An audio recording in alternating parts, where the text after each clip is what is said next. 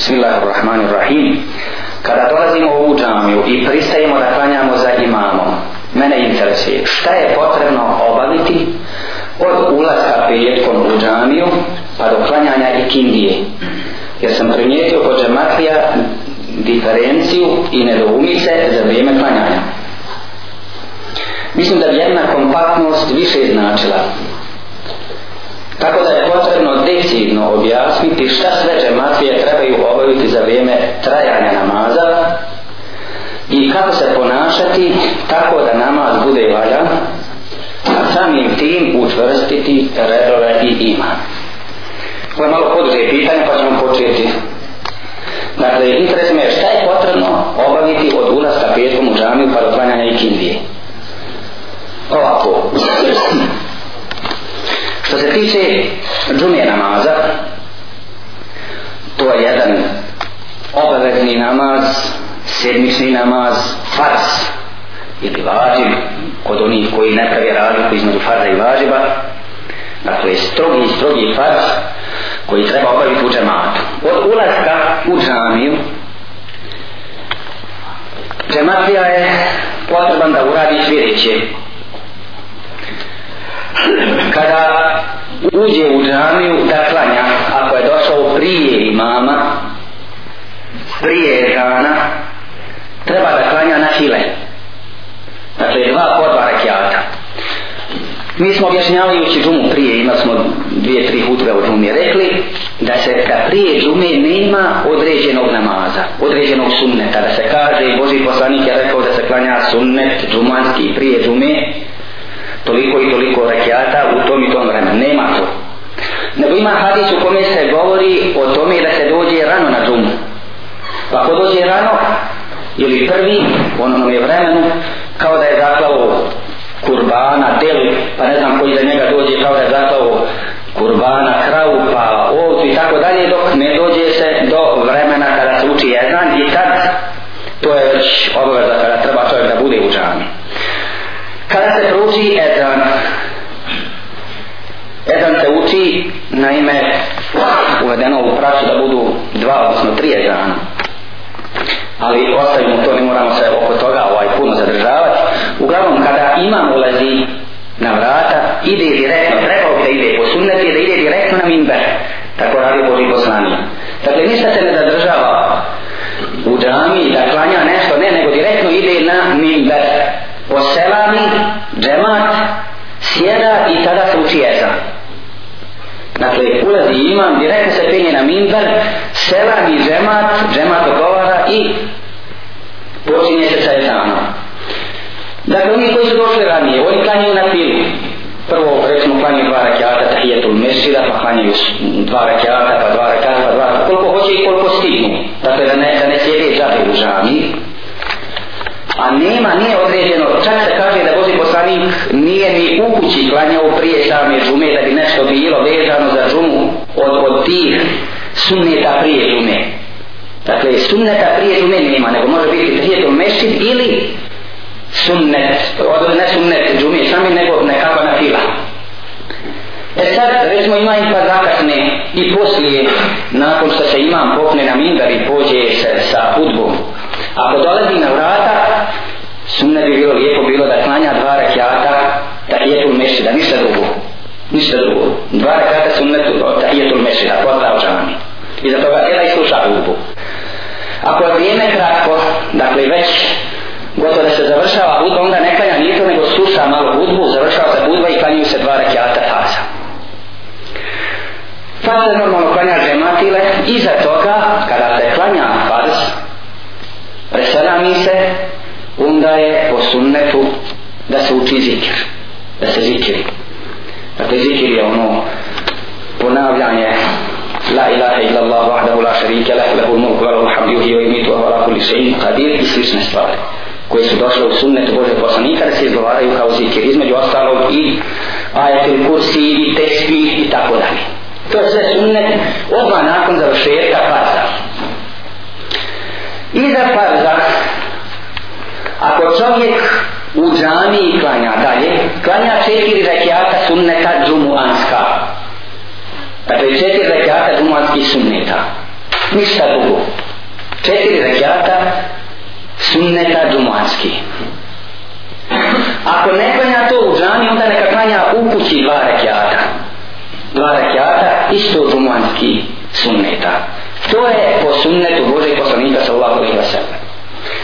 E sad bili su islamski učenjaci. I oni su postavili šartove ili uvjete ili uslove za džumu, za klanjanje džume, za onoga koji klanja džumu, ko treba da klanja džumu, kako to. I tako dalje postavili su razne uvjete i uslove i šartove. Uvjeti i uslovi i šartovi za tu džumu kod musalije su poznati, onoga ko treba onaj koji je kod kuće, koji je muškarac i tako dalje, znaju se ti šartovi. Međutim, Hanefije su dodale još neke šartove koji nisu vezani, odnosno nema tekstova, niti kuranski, niti hadithi od Božeg poslanika, oni su dodali još neke šartove dodatne za džumu. Pa kažu, za džumu, odnosno za mjesto, klanjanja džume, također su vezani šartovi neki.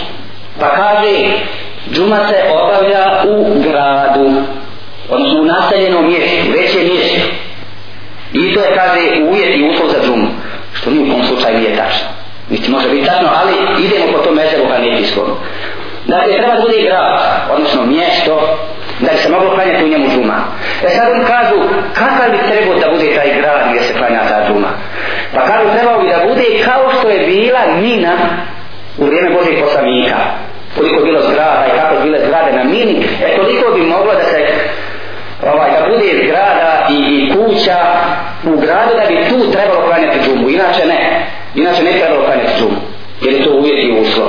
Pa kažu u tom gradu treba da bude muštija i da bude kadija, da bi, da bi ta džuma vrijedla u tom mjestu. Ovi, ovi šarta, ovaj šarta, nema nikakve podloge u sunnetu bolje poslanika sallahu alaihi wa sallam. Dalje, kažu vam da također jedan od uvjeta i šartova da bi se klanjala duma jeste da ima sulta, odnosno da ima vlada, da ima halifa, da ima onaj koji vlada. Inače, o tome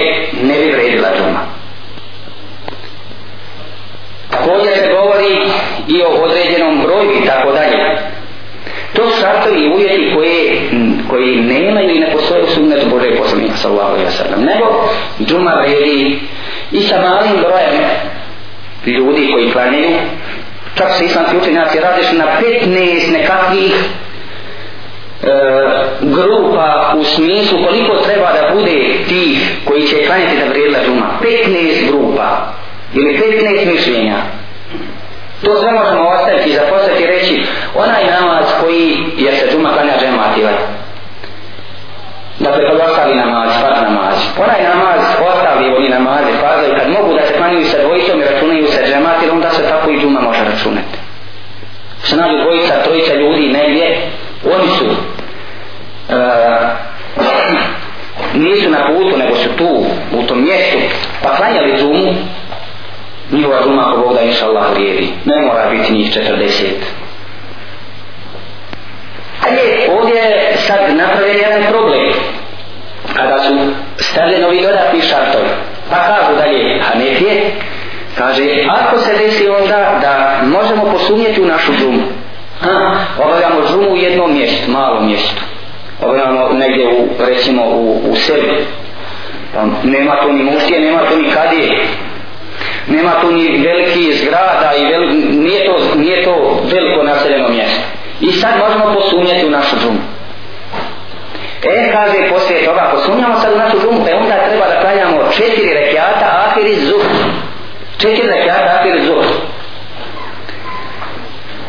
Ta četiri rekiata onda u, u pojedinim izvorima, a nekiskim kaže, trebaju se klanjati na takav način da se zanijeti, da klanjamo zadnje podne koje, nam je, koje smo trebali da klanjamo, nismo ga klanjali. Zadnje podne ili ahir zuh, koje, koje smo trebali klanjati, a nismo klanjali, pa nam prošlo, je tako trebamo da zanijetimo ta četiri rakijata i za džume. Kaže, ako se nalazim, ali pa on to usluđa, ako se nalazimo u mjestu ili ako ne ispunjavamo neke od ovih dodatnih uslova koje su nekije nadali i smatramo da i, i sumnjamo u stvari u našu džumu tako trebali tad klanjati za četiri rekiata. Međutim, kod nas onda i to izvito predlo. Da ljudi klanjaju i u velikim mjestima, i onda gdje ima rejs, i onda gdje ima muftija i kadija, oni klanjaju ta četiri rekiata akri zuhr.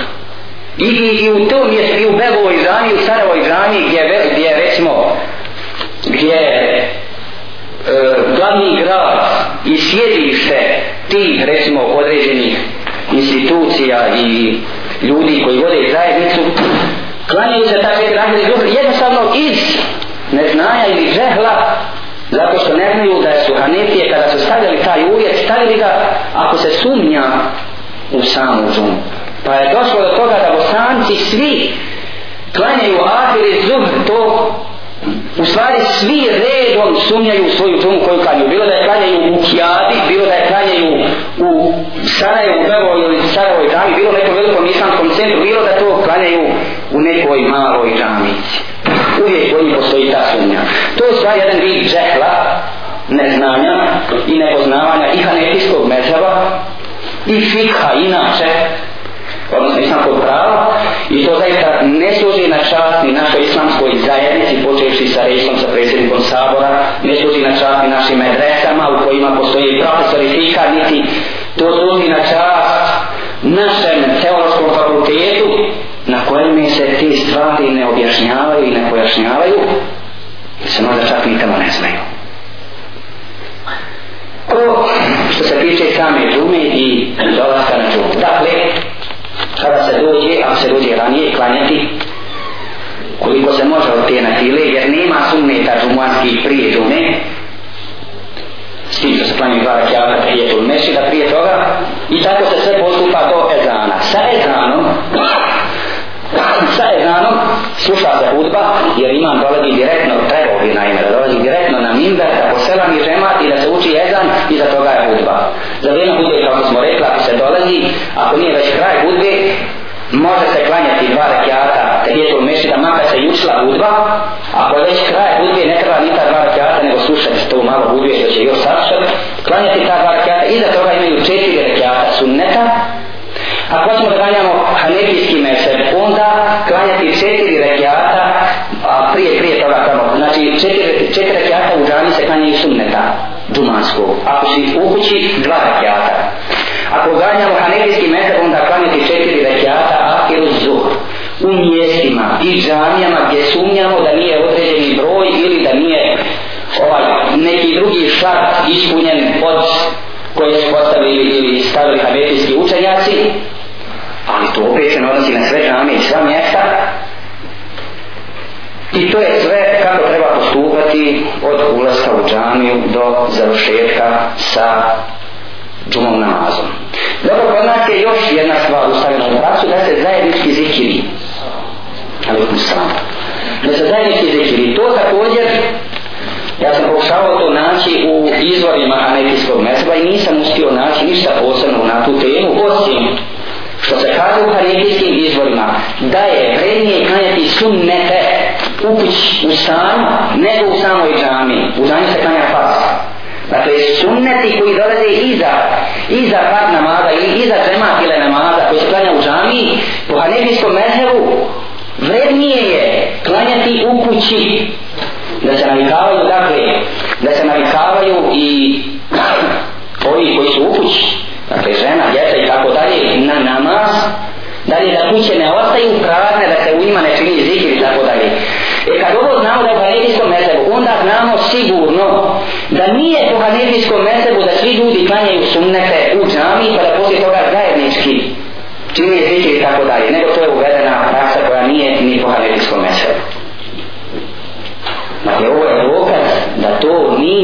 hanefijski mesel nego neki običaj koji je vjerovatno došao kao običaj koji su u stvari uveli vojska pa su oni klanjali taj namaz pa da bi zajednički sve obavili hajde uraćemo i, i, i, i ove stvari tako da je to ušlo u praksu kod nas na čitavim prostorima kod nas u Bosni i na drugim mjestima recimo u Turskoj pa zajednički čine taj zikir ovaj zikir nemojte dozvoliti da ispustite takav račun ono teški učenja ajte kući te stvari ali učite to sami naučite to i učite to sami ne mora biti mu jezin koji će vam to sugerisati da vi učite, ne, učite to sami dakle završili smo mi vreme u tretanu što se tiče i toga zajedničkog zikira on bi bilo bi bolje dakle da to ljudi obavljaju sami potak da to nauči da to ne pustaju nikada uvijek na svakom namazu i za svakog namaza, par namaza to obave. Jer to vrlo važna stvar i bitna stvar. Neki e, pokušavaju loviti u mutnom, tako bismo to rekli, pa u džamijama gdje se taj zikir ne obavlja zajednički. Kažu, oni ostavljaju taj zikir. Oni ne drže tog zikra. Ne, ja odlačim i sad. To je u, u nalazi se u Buhari, u, u, u vjerodostojnim predajama da to treba raditi i da se to radi. I zato ali vrednije i bolje je radi toga ko radi bolji poslanik, odnosno da sad za sebe radi to. Ne na jezi, nego sad za sebe. Dalje, problem nastane kada mu jezin uči zikir na glas. A dođe oni, resmo u namazima, a dođe oni koji da kasni na namaz, pa sad mora dići nakon, resmo za kasni, odošao na treći ili četvrti reka, sad namaza. On se mora dići da nadoknanjati ta tri rekiata, resmo još a mu jezin pođe učiti zikir, pa mu zasmeta i pokvari možda namaz. Smeta, smeta.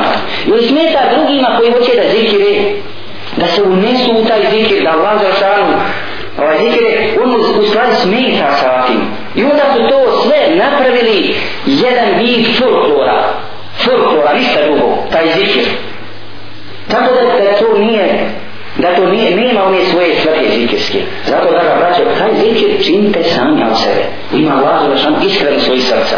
I nemojte da vam to moramo jedini su doj sebe. Ede sad kaže subhanallah, ede sad kaže alhamdulillah, ede kaže ovo i ono. Ne. To nam je rekao Boži poslani da radimo i radimo to.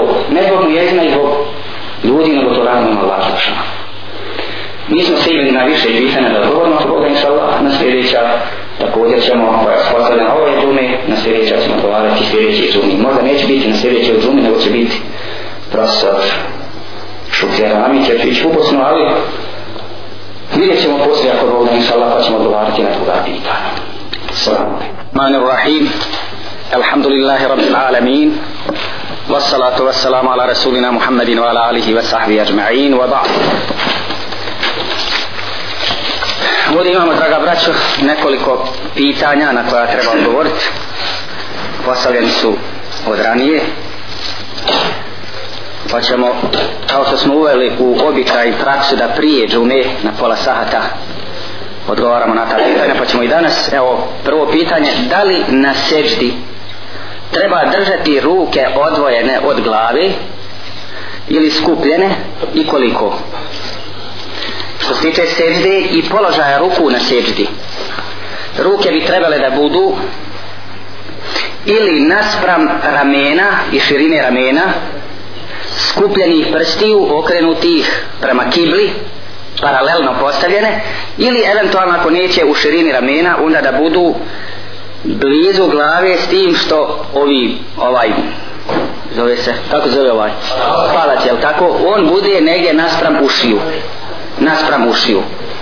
Dakle, tako na sežbi. Ili u širini ramena ruke, ili blizu glavi, s tim da budu ti prsti negdje naspram ušiju. Drugo, pokrijet prsta, rekli smo dakle da budu isto prsti skupljeni, paralelni i okrenuti prema kibli. Na ruki ovu stoje prsti rašireni, znači obuhvataju koljeno. Dakle, razlika između, između rukjua i između seže. Pokret prsa između dvije sežde, da li je to praksa Muhammed Aleyhisselam? Pokret prsa između dvije sežde. Valjda misli se kada se izvrši jedna sežda, pa se ovaj sjedne, da li imaju neki pokret prstima. U fiku, gdje se govori o namazu, gdje se govori o sunnetima i mostehavima, namaz ne spominje se to da ima bilo kakav ovaj pokret prsti u, u tom vremenu. Ima jedino dova koja se uči između dvije sežde, ona je čak vađiv kod Hanbelija dok kod ostalih nije a pokret prstiju nema to nisam vidio ovaj našao da ima bilo da se radi o sunnetu ili o mustehalu da li je mekruh spavati za saba u pitkim dijelima se kaže da je mekruh spavati za saba a kao razlog navode da je to vrijeme kada se daje risk ili nafaka ljudima Inače, mekruh je nešto što je pokuđeno raditi. Znači, nije haram, ali je pokuđeno, nije lijepo. Da je da li mora čovjek naklanjati podnevski sunnet poslije farza? Da li mora čovjek? E, ne mora. Mislim, ne mora kao farz, kao obavez. Ali bi trebao da udovolji sunnet i da naklanja koji zastaju, recimo došao je negdje u džemar, pa nije stigao da klanja sunnete, da ih klanja poslije. E, dakle, da i dakle do namiri, do naklanja mada ne mora, znači nije obaveza farz, ali je fino i sunnet bi bio da se naklanjaju. Da li je sahih klanjati u prostoriji gdje ima insanskih slika i figura bebi i pasa? Da li je sahih klanjati u prostoriji gdje ima insanskih slika, figura, bebi i pasa? Ako ima igdje drugo mjesto da klanja, onda neka klanja na drugom mjestu. Inače, Eh, islamski učenjaci kažu da je haram stavljanje slika živih bića na zidove jer kaže se u hadisu da ili riječima Bože i poslanih sallahu alaihi wa sallam da u kući u kojoj ima slika na takav način neće da uđe melek pa prema tome ako ima drugo mjesto negdje da klanja bolje bi mu bilo ali neće ipak biti inša Allah namaz pokvaren ako bi na takvom mjestu klanjao, ali ako može izveći to treba nastojati to. Živimo i radimo u Austriji, konkretno u državi i gradu Beču, prijestavnici Austrije, gdje u jeku velika izborna kampanja. Pojedine partije su preko javnih medija izložile u načelu svoje programe, iz koje se može nazrijeti da nisu baš dobronamjerne za strance. Mene interesuje kako se zaštititi, to je demokratskim putem ostvariti svoja prava ako takve, ako takve, pa ja mislim na partije pobjede. Imamo li svojih predstavnika u parlamentu jer je islam priznata vjera u Austriji, kao i sve druge, te kakva su njihova politička razmišljanja u ovom važnom trenutku. Nažalost, sanci nismo dovoljno organizovani čak i u ovome džematskom smislu, a pogotovo nismo organizovani na nivou jednog parlamenta ili izvornog tijela u Republici Austriji. Da se makar organizujemo na nivou džemata, jednog džakog džemata, i to bi bilo nešto, mogli smo neka svoja prava ostvarivati, a pogotovo moglo bi nam biti korisno u smislu da znamo gdje imamo našega čovjeka, gdje imamo našega ljekara, gdje imamo našega mehaničara, gdje imamo našega učitelja i tako dalje, pa da se međusobno uvezujemo i međusobno pomažemo bratu, to je bila velika stvar. A da ne kažem da možemo da participiramo i učestvujemo u vlasti, to je pogotovo bilo dobro, ali takvih čak ni pokušaja, ja mislim, nema kod nas. Bar ja ne znam za nje. Da dosta pitanja. Prvo, da li je musafir dužan da ispusti sunnete? i kakav tretman ima vitr u istom slučaju. On sad je dužan da ispusti sunnete. I kakav tretman ima vitr u istom slučaju. Prije svega mu safir ne mora klanjati sunnete. Ne mora klanjati sunnete, ali nije dužan da ih ispusti. Nije dužan, dakle, nije mu obaveza i farz, e, nešto i klanjati sunnete. Naime, na fila se može klanjati uvijek. A sunnet je također vid dobrovoljnog ibadeta koji nije pasom naređen, pa prema tome ne mora se ispuštati kao musafir. Tretman vitara je malo drugčiji. Vitre su Poličin islamski učenjaka pritvrđeni sunnet, dok su kod Hanefija vitre vađe. Naime, Hanefije pravi razliku između farza i vađiba samo u tom nekakvom jezičkom smislu što kažu da je farz stroga naredba koja se izvlači iz kategoričnog dokaza. Naime, dokaza koji je iz Kurana ili Sunneta, ali direktno govori o nečemu da je farz. A kaže, e, vađib, što je nešto manje od farza je, dokazom. Naredba koja je došla ne kategoričkim dokazom. Dakle, nije 100% vaš ono da, da, je, da je far, da je na visini farza, ali je ipak naredba. Pa kažu, vitre su vađiv. Dakle, nisu u visini farza. E, ako bi postupili po hadetijskom mesebu, dakle, i vitre bi trebalo klanjati na putu. I po je to i bolje mišljenje. Dakle, i vitre klanjati na putu. Ali je zabranjeno klanjati u crvenoj odjeći. Nije zabranjeno klanjati u crvenoj odjeći. Pa što znam da nije zabranjeno klanjati u crvenoj odjeći, spominje se čak da je Boži poslanik imao jednu džubu e, koju je oblačio za bajrama bila crvene boje. Spominju se predajnike. E ako čovjek želi da naklanja sabah namaz, na primjer oko 10 sati, i uči ezan za njega. Da li će učiti te riječi salatu hajru minen neum, budući da nije jutro. Naime, ovo ovaj je salatu hajru minen neum, znači bolje je klanjati nego spavati, a on je tad probudit, znači u 10 sati. Dobro, ako klanja i naklanjava uh, e, saba, taj ezan je za saba, pa može proučiti salatu hajru minen neum. Da li se smije baciti u smeće papir na kom je napisana bismila ili nešto iz Kur'ana? Ne smije se baciti u smeće ništa što nosi Božje ime, odnosno bismila ili bilo šta iz Kur'ana, ne bi se smjelo bacati u smeće. Kako postupiti u slučajima da imamo ovaj to papira, najbolje ga je spaliti. Najbolje ga je spaliti. I u najmanju ruku toliko pocijepati da ne ostane riječ ovaj, čitava, pa prema tome da se ne desi, recimo da Božje ime negdje bude u, Kur'an, u, u, u aje, ili u kontekstu ajeta napisano kada pa se baci. Dakle, ako se bacalo u smeće, moralo bi se toliko pocijetiti da ne ostane nigdje Božje ime ono sastavljeno pa da na takav način bude bačeno, ne. Najbolje je spaliti. Da li se dva brata ili otac i sin mogu poljubiti prilikom sastanka, viđenja? ovaj način uh, e, izgljevanja radosti ili, ili uh, sastanka nije ipak nije naš običaj kod nas je običaj, kod muslimana je običaj da se recimo ako je neko bio na put pa dođe i poljubi u čelo znači nije to ono kao što rade čakiri o, ljubljenje koje smo preuzeli od njih dakle moglo bi na takav način dakle da se iz jednog vida poštovanja poljubi u čelo. Da li je dozvoljeno nositi srebrni prsti? Dozvoljeno je. Da li se, da li se u WC-u smije uzmati abdest i prije abdesta izgovoriti bismillah?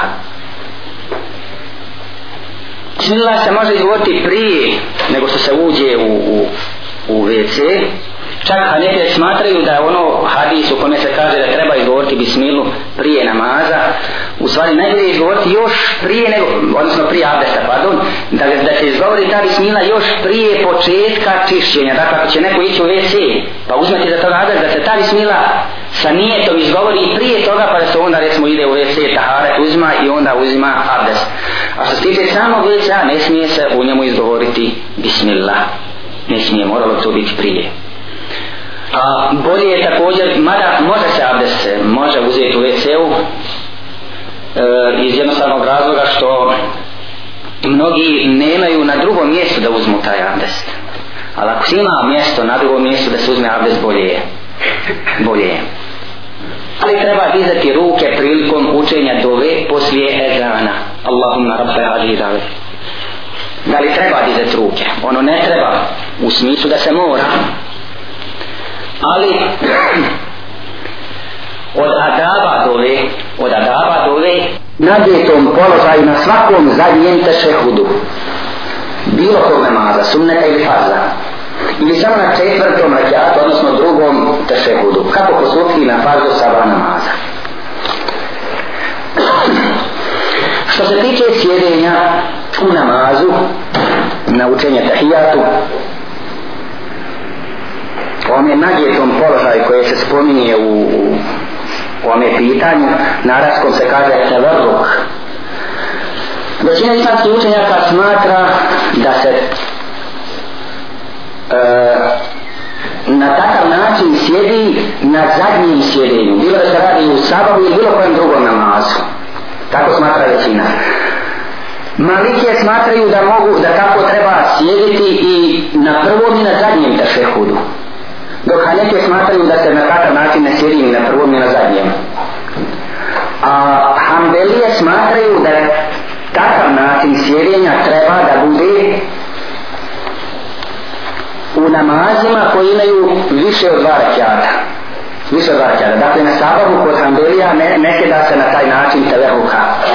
Nego, dakle, sjeda se na onaj način bez naginjanja. Dakle, da ga uzmemo, sižeiramo, većina islamskih učenjaka dakle smatra da je, da je na takav način se sjedi nakon završetka namaza, to je zadnje sjedenje, dok dakle Hanbelije smatraju samo da se to na sabahu ne radi zato što nema više od znači što je to samo jedno sjedenje, a nije, nema dva sjedenja. Pa prema tome, ako postupimo po mišljenju većini islamskih islamske uleme, dakle, onda se sjeda na tevarruk ili na način tevarruka na svim namazima kada se preselamljuje dakle i na sabahskom farzu i na sunnetima i tako dalje i na taj način ako ćemo postupiti po handelistom mezebu onda će biti to na podne i na ikindi i na akšom i na jaci a neće recimo biti na sabahu zato što ima samo dva rećata i nema među onoga sjedenja Ako čovjek stiče nauku na Allahovom dalašanovom putu, da li u toj situaciji može da ode u džihad bez dozvole roditelja? To je sad svoj protiv. A kako se tretirati ako ne stičemo nauku na Allahovom putu, a roditelji nisu zato da idemo u džihad? Dobro, ovdje treba rastaviti situaciju kada se kada se ide u školu i ne ide se u školu. To ne treba ovaj, napominjati, ovdje možemo to jednostavno formulisati na ovakav način. Da li treba dozvola roditelja za idenje u džihad? U fikskim dijelima se kaže, ako se pojavi džihad negdje u nekoj zemlji, za nas stranoj zemlji, onda je muslimanima dužnost da idu u tu zemlju da se bore, ali ne kao pas. Međutim, ako se desi da se mora boriti u svojoj zemlji, pa makar i ne bio u njoj, kada postaje obave za fardu ajn na svakog čovjeka da se boji u toj zemlji, onda ne mora se pitati čak ni roditelj, nego se može ići bez dobro roditelja. U prvom slučaju, dakle, gdje nam nije fars, recimo u neku stranu zemlju ići boriti se za vjeru, tu bi morali, recimo ako moramo se brinuti za roditelje, morali bi pitati roditelja da li ćemo ići u taj džihad ili ne. Ali kada se radi o vlastitoj zemlji, gdje je džihad e, fardu uh, ajn ili stroga obaveza za svakog, tu ne treba čak ni dozvola roditelja, nego mora, mora se postupiti i otići i odazvati, i odazvati tom pozivu, makar roditelji zabranjivali to ima jedno zadnje pitanje koje u stvari nije fikske naravi ali možemo i na njega govoriti više je to ovaj lično samo da odnosi na mene u posljednje vrijeme ste par puta bili u BiH možete nam iznijeti svoje svježe viđenje šta se dole dešava o na to kišobranu. Koliko su muslimani i islam na gubitku? Da li je ovo manja tvaravina bivše Jugoslavije? Te povodom osnivanja Islamske pedagoške akademije u Bihaću. Hoćete li vi biti na čelu ponesti? Dobro, ono što se doša, dešava dole u Bosni, uglavnom smo svi upoznati. Dejtonski sporazum, I svi smo prisiljeni na njega, čuli smo i našega predsjednika koji kaže da je to nekakav vid mira koji normalno nije pravedan, ali je bolji od rata. Šta će sve da se desi i šta će se sve dešavati, može se predpostavljati iz jednostavnog razloga što u Bosnu sada dolaze NATO snage. Slobodno možemo da rečemo da je to jedna bagra, bagra u kojoj ima svašta koji su sigurno neprijatelji islama i muslimana. To su ljudi koji dolaze iz zapadnog svijeta, dolaze sa svojim nazorima, dolaze i donose razne bolesti i moralne i medicinske prirode donose AIDS, SIDU, izlečivu bolest razvratnika, donose alkohol, prostituciju, lopovnike razne prirode, drogu. I on će nastojati razoriti Bosnu. On će nastojati razoriti Bosnu. Možda je Aleikum salam rahmatullah. Možda je jedini način spasa od nje upravo vraćanje u islam i prihvatanje islamske prakse koja će biti preventiva protiv svih njihovih djelovanja. Što se tiče same pedagoške, islamske pedagoške akademije u Bihaću, 20.12. dakle prije koliko prije 9 dana na sjednici sabora islamske zajednice za Bosnu i Hercegovinu u Zenici donešena je odluka o formiranju Islamske pedagoške akademije u Bihaću ili u Bihačkom kantonu i ako Bog da inša Allah ona će zaživjeti ko će biti na čelu te islamske pedagoške akademije vidjet ćemo zna se se ne zna znaće se vjerovatno početkom iduće školske godine kada starta ta islamska pedagoška akademija sa radom možemo samo reći da je to epohalne važnosti za razvoj islamskog života ne samo u krajini nego u Bosni i Hercegovini da bude jedna visokoškolska ustanova u krajini a zaista mi smo sada potrebni sa kadrovima posebno kadrovima ovoga usmjerenja jer nam treba na hiljade na hiljade je učitelja sad u školama u mejtetima, u džanijama za sada nemamo čak dovoljan broj u džanijama a kamoli a kamoli u školama a kamoli pri vojci, pri svim vojnim jedinicama i tako dalje.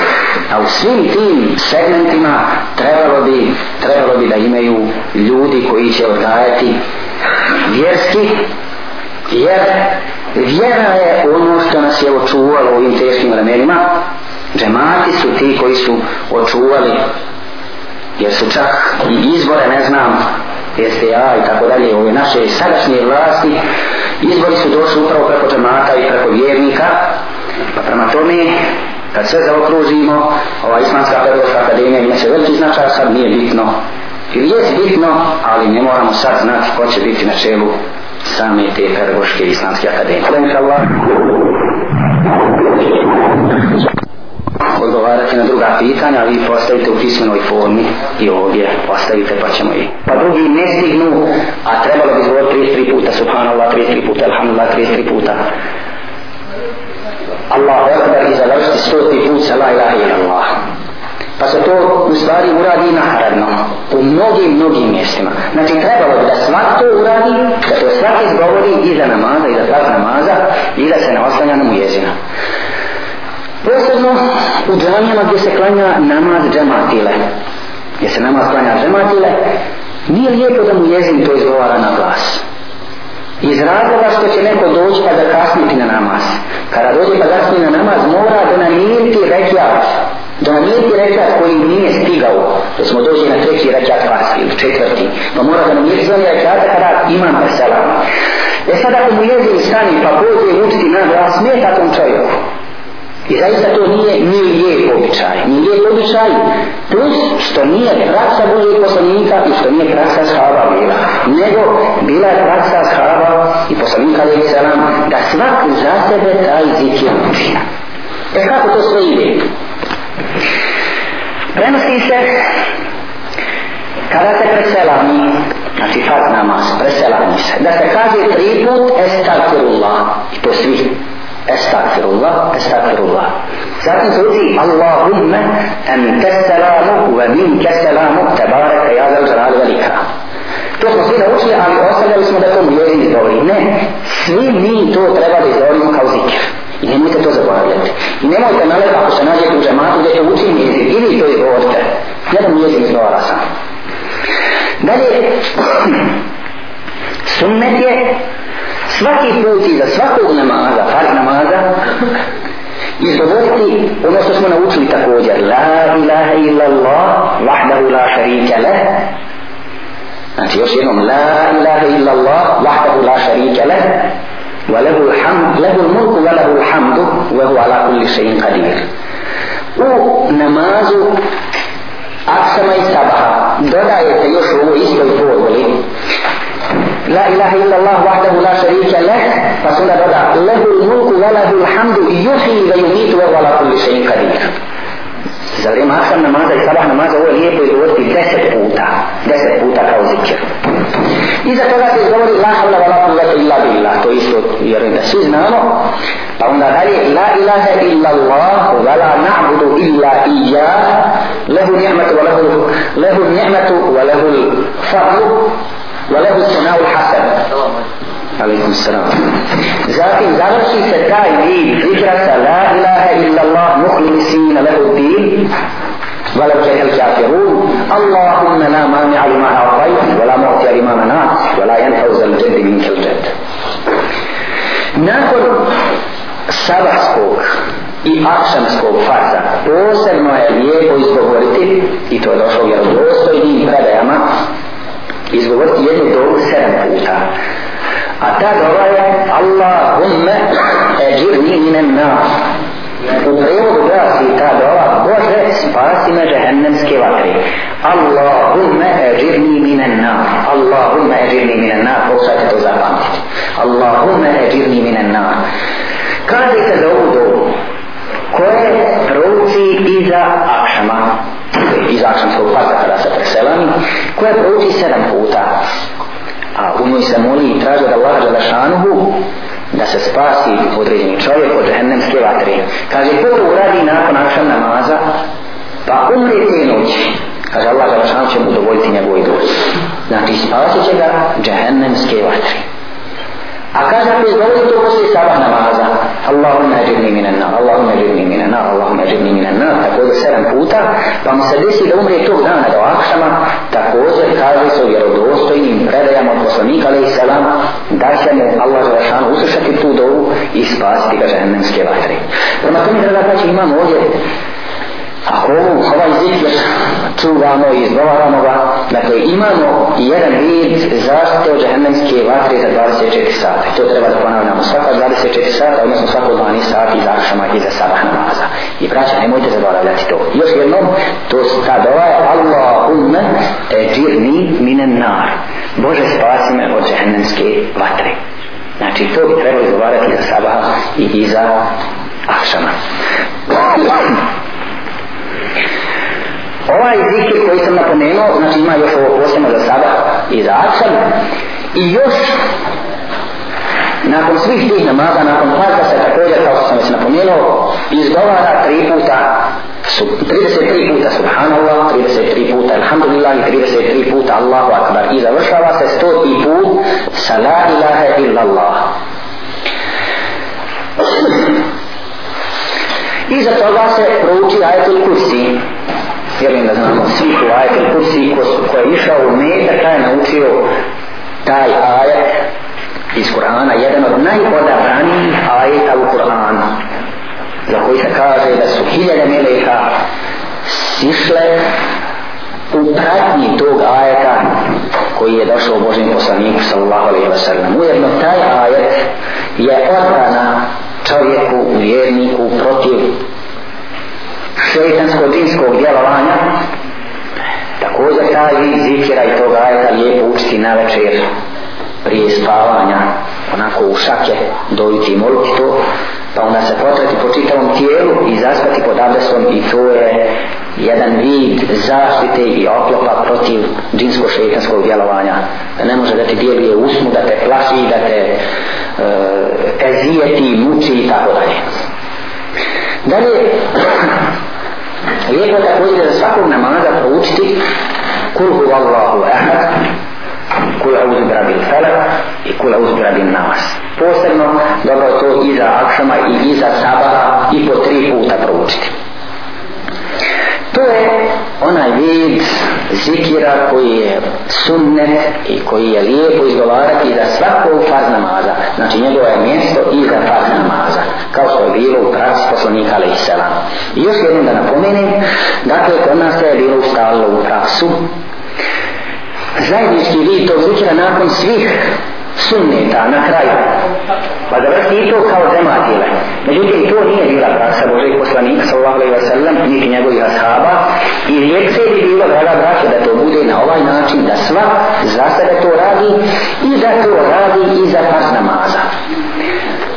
Kaže se u hanefijskom fikhu, Znači u hanefijskom fikhu, hanefijski mesel kazu da je zastupljen u Bosni, pa je tada citiramo upravo hanefijski fikh. Kaže se u hanefijskom fikhu da je najvrednije klanjati sunnete, sunnete, najvrednije klanjati sun stan u kući. E sad da to malo protumačimo i protestirimo i prokomentarišemo. Ako je najvrednije klanjati sunnete u kući, to znači da je to vrednije u kući, nego u džami, da sunnete. To ukućuje na jednu stvar, a ona je da dakle ni u hanefijskom fiku, odnosno mezrebu, nije preporučeno da se zajednički zikiri tako. Ako je vrednije, po hanefijskom mezrebu, kada sunnete u kući, dakle nije vrednije sjediti i završiti zikr zajednički i zajednički klanjati sunnete. Nego je to vrednije da sad dakle uradi iza farza zikir, a onda još bi bilo vrednije da uko slaja sunneta nego u samoj džami.